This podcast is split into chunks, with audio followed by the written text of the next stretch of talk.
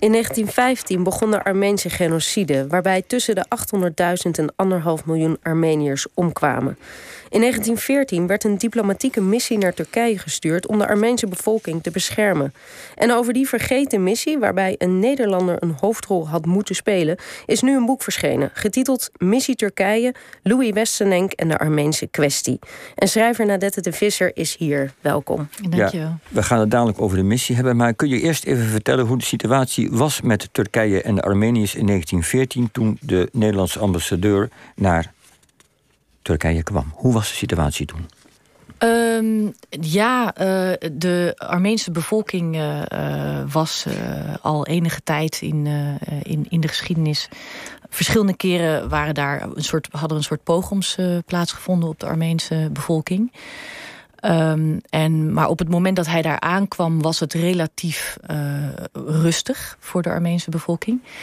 Uh, Louis Wessenenk werd daarheen gestuurd uh, in opdracht van de um, Triple Entente en de Triple Alliance. De Triple Entente was de coalitie van Frankrijk, Engeland en Rusland. En de Triple Alliance was de coalitie van Oostenrijk, Duitsland en Italië. En hij moest daar de Armeense hervormingen gaan implementeren. Dat was een overblijfsel van een vredesverdrag van de Turko-Russische oorlog... die jaren daarvoor had uh, plaatsgevonden in 1877, 1878. En um, hij moest samen met een Noorse collega een gebied gaan uh, besturen als inspecteur-generaal... waar de Armeniërs uh, speciale uh, bescherming moesten gaan genieten. Want het Ottomaanse Rijk was uiteengevallen. Um, en sinds 1908 hadden de Jong Turken de macht gegrepen... En, en, en waren opnieuw bezig Turkije vorm te geven. Ja, ze hadden de sultan Abdulhamid II in, in 1908 van de troon gestoten. En, en dat was een hele grote verandering voor het Ottomaanse Rijk op dat moment. En die Jong Turken die waren ja, dus bezig met een soort... Die hadden een, eh, een nieuw ideaal over hoe dat Ottomaanse Rijk moest worden bestuurd. Ja, en het, het, doel van de missie was dus zorgen dat er een veilig gebied was voor de Armeniërs. Dus er was kennelijk reden om aan te nemen dat er misschien iets naars zou gebeuren. Ja, want historisch gezien hadden een aantal keren hadden er uh, ja, op, op, op grote schaal hadden moorden plaatsgevonden. Dus bijvoorbeeld in 1909, dat was het meest recente, waren er tienduizenden Armeniërs uh, vermoord in, de, rond, in en rond Adana. Uh, en de Hamidische bloedbaden, een aantal jaar daarvoor... waren ook op grote schaal ja, massamoorden geweest. En waarom kreeg juist, want je zei er werd een Nederlander en een Noor werden uitgekozen om, om, om daarheen te gaan. Ja. waarom werden juist zij uitgekozen? Nou, het, ze werden dus uitgezonden in opdracht van, de, van, die, van die grote mogendheden. Dus die twee uh, coalities, de Triple Entente en de Triple Alliance. Um, en dat moesten afgezanten zijn van kleine, zogenaamde kleine mogendheden. Dus dat waren de, de Scandinavische landen, landen als België en Nederland. Omdat er te veel... Um, gesteggel zou ontstaan op het moment dat, er, uh, dat de grote mogendheden onderling moesten gaan bepalen wie van hen van, uh, een kandidaat mocht sturen. Dus dat moesten neutrale kleine mogendheden zijn. En waarom deze Louis Wessenink? Wat was zijn achtergrond? Hij was uh, een, uh, in Nederlands-Indië geboren. Heeft zijn opleiding genoten in Delft. Deed daar de studie Indologie. En had jarenlang in het uh, binnenlands bestuur gezeten van Nederlands-Indië. Uh, en had door zijn studie Indologie en ook zijn ervaring in Nederlands-Indië... heel veel ervaring met een islamitisch land. En dat maakte hem uh, extra interessant voor de uh, Ottomaanse regering... voor de Jong-Turken. Die overigens helemaal niet op deze Armeense hervormingen zaten te wachten. Dat werd hun echt in de maag gesplitst. Want, want, want de, de westerse grootmachten zagen het als een, laten we zeggen, humanitaire missie. Zagen het, de de Turken zagen dat waarschijnlijk helemaal niet als een humanitaire missie. Nee, en je zagen kunt, zij het? Ja, en je kunt ook een beetje je vraag stellen... in hoeverre het een, een, een zuiver humanitaire missie was... voor de westerse mogendheden. Want die wilden natuurlijk hun grip op het Ottomaanse Rijk versterken... en zagen in die tijd was het uh, Ottomaanse Rijk sterk verzwakt. Zowel economisch stond het heel erg slecht voor. Ze hadden enorme schuldenlast... Um, en uh, ja, dus uh, de westerse mogendheden hadden daar erg veel belangen. Dus zowel... Welgemeend eigen belang. Maar hoe keken ja. de Turken naar die missie? Voor hen was het, uh, was het een, een, een, ja, werd het gezien als een grote bedreiging. Het was uh, buitenlandse inmenging. Ze waren enorm bang voor het verder uiteenvallen van het Ottomaanse Rijk. Er waren in de, in, in, de, in de jaren daarvoor al een aantal stukken van het Ottomaanse Rijk afgevallen. dat waren landen die onafhankelijkheid hadden uh, verklaard. Waaronder vlak na de Balkanoorlog van 1913, 1914. En ze waren er enorm beducht voor dat de rest van het Ottomaanse Rijk verder uiteen zou vallen onder die externe druk. En die Armeense hervormingen waren daarin natuurlijk eh, niet eh, een positieve uh, invloed. Uh, ze zagen het als bedreiging, maar uiteindelijk was het toch niet zo bedreigend, die missie. Want de Armeense genocide heeft plaatsgevonden. Dus veel succes kan die missie uiteindelijk niet gehad hebben. Hoe is dat gegaan? Nou, Louis kwam daar aan. Die werd dus voor de uh, kandidaat gesteld begin maart 1914. Uh, tegen eind april 1914, toen hij ook gekozen was, is hij vertrokken naar Constantinopel. Um, en uh, terwijl hij daar was, brak de Eerste Wereldoorlog uh, uit. Dus uh, de, de westerse mogendheden, de Europese landen... waren toen natuurlijk heel erg gefocust op, op, op de Eerste Wereldoorlog... En, en de acute problematiek daaromheen in hun eigen landen.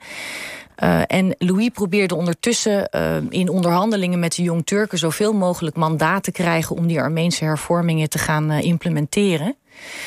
Um, maar door, die, door de ontwikkelingen van de Eerste Wereldoorlog werd het door de Jong Turken werd, uh, werd uh, de Armeense hervormingen werden afgeblazen. En maar we, we, moeten toch even een wat duidelijker beeld hebben van wat die Armeense hervorming dan inhield. Moeten we ons dan voorstellen dat Armenië een min of meer eigen vrij veilig gebied krijgt? Of wat, wat betekent het? Kun je dat in een paar zinnen uitleggen wat dan die Armeense hervorming betekende?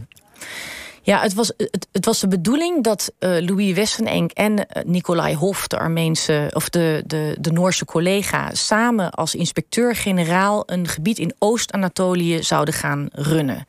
En dat gebied dat, dat werd aan de bovenkant begrensd door de Zwarte Zee, rechts lag Rusland en aan de onderkant het huidige Syrië. En daar moesten de Armeniërs moesten heen kunnen gaan en moesten door, door de wetgeving, lokale wetgeving, een soort uh, semi-autonomie krijgen. Wel onder de hoed van, van, van het Ottomaanse Rijk. Maar ze moesten daar wel extra bescherming genieten... die ze niet kregen in andere delen van het Ottomaanse Rijk. Een veilige zone dus. Een veilige zone, ja. ja. Ja, goed. Uh, het lukt dus eigenlijk niet. Hè. Daar komt het eindelijk kort gezegd op neer. Uh, en uit jouw boek krijg ik de indruk dat, uh, of krijgen wij de indruk dat uh, deze Louis toch ook wel een beetje eigenlijk ja, naïef is, machteloos is. Hij kan niet zoveel. Klopt dat? Nou, ik weet niet of naïef het juiste woord is. Het was een heel praktisch ingesteld uh, mens... die uh, zich er heel erg van bewust was van alle machten die op hem inwerkten. Daar kon, hij niet omheen. Dus aan de ene kant waren het de belangen van de westerse mogendheden. Hij werkte daar als Ottomaan, onderda Ottomaans onderdaan. Dus hij werkte in dienst van het Ottomaanse Rijk. Uh, en ondertussen had hij natuurlijk, uh, was hij daar om de, om de Armeense belangen te vertegenwoordigen. Een hele ingewikkelde positie. En ik denk dat hij zich verre heeft, weten, heeft willen houden van, van de, de, uh, van de hele ja, discussie. Hij heeft zich heel erg gericht op de praktische implementatie van die hervormingen. Ja, het, het klinkt een beetje als een onmogelijke, absurde, belachelijke missie. Ja, ja. Ik, ik, denk dat het vrij onmo onmogelijk... ja, ja, dat het een vrij onmogelijke missie was. Ja, je, Zet, je zet een paar diplomaten ergens neer... en dan hoop je dat het dat die het goed kunnen krijgen. Ja, dus, dus niet zozeer de man is naïef, maar de regeringen die hem sturen waren naïef. Ja, of ze zagen hem, misschien zagen ze hem wel gewoon als instrument. het was een, een, een, weer een manier om toch uh, controle te krijgen, grip te krijgen over dat Jong-Turkse uh, uh, bestuur, over die Jong-Turkse regering. En ja, daar lijkt het wel erg op. Ja, de, de missie lukt dus niet helemaal de genocide begint eigenlijk al een jaar nadat hij gekomen is. Dan, dan, gaat, dan gaat het echt fout. Ja. Vind je daar iets terug? Je hebt hem bestudeerd. Heeft hij daarover geschreven? Hoe reageert hij daarop? Uh, hij heeft daar niet veel, uh, van wat ik heb kunnen vinden... heeft hij daar bijzonder weinig over, uh, over uh, gezegd. Nou mis ik wel stukken van, die, van de schriftelijke correspondentie daarover. Dus soms, ik, ik, ik, heb twee brieven gelezen... waarin zijn zoon daarover begint met hem. Maar dan heb ik niet zijn antwoord bijvoorbeeld. Dus dan weet ik niet hoe hij gereageerd heeft. En wat schrijft die zoon? Uh, ja, dat is al even na de Eerste Wereldoorlog en dus na de eerste uh, of, na de, de Armeense genocide. En uh, ja, die schrijft er natuurlijk eigenlijk over dat het toch wel erg onwaarschijnlijk wordt dat hij nog terug zou kunnen keren. Want hij is, hij is eigenlijk vertrokken met het idee dat hij terug zou kunnen keren om dan alsnog de Armeense hervormingen te implementeren dat dat nu toch wel erg onwaarschijnlijk is geworden. Ja. Nu, tot slot heel kort. Um, ik weet niet of het een kort antwoord, uh, om een kort antwoord vraagt... maar we hebben het over een precaire en mislukte missie uit 1914. Um, ehm, kan het Westen nog iets leren van dit, van dit voorbeeld, nu nog? Ja, ik denk dat, dat, dat geschiedenis altijd enorm belangrijk is, ook in de huidige internationale betrekkingen. En uh, wil je uh, uh, andere landen en de verhoudingen met andere landen begrijpen, dan moet je niet alleen de, historische context van de anderen begrijpen, maar ook de rol die je zelf hebt gespeeld in die internationale verhoudingen. En ik denk dat het bestuderen van geschiedenis daarin onontbeerlijk is.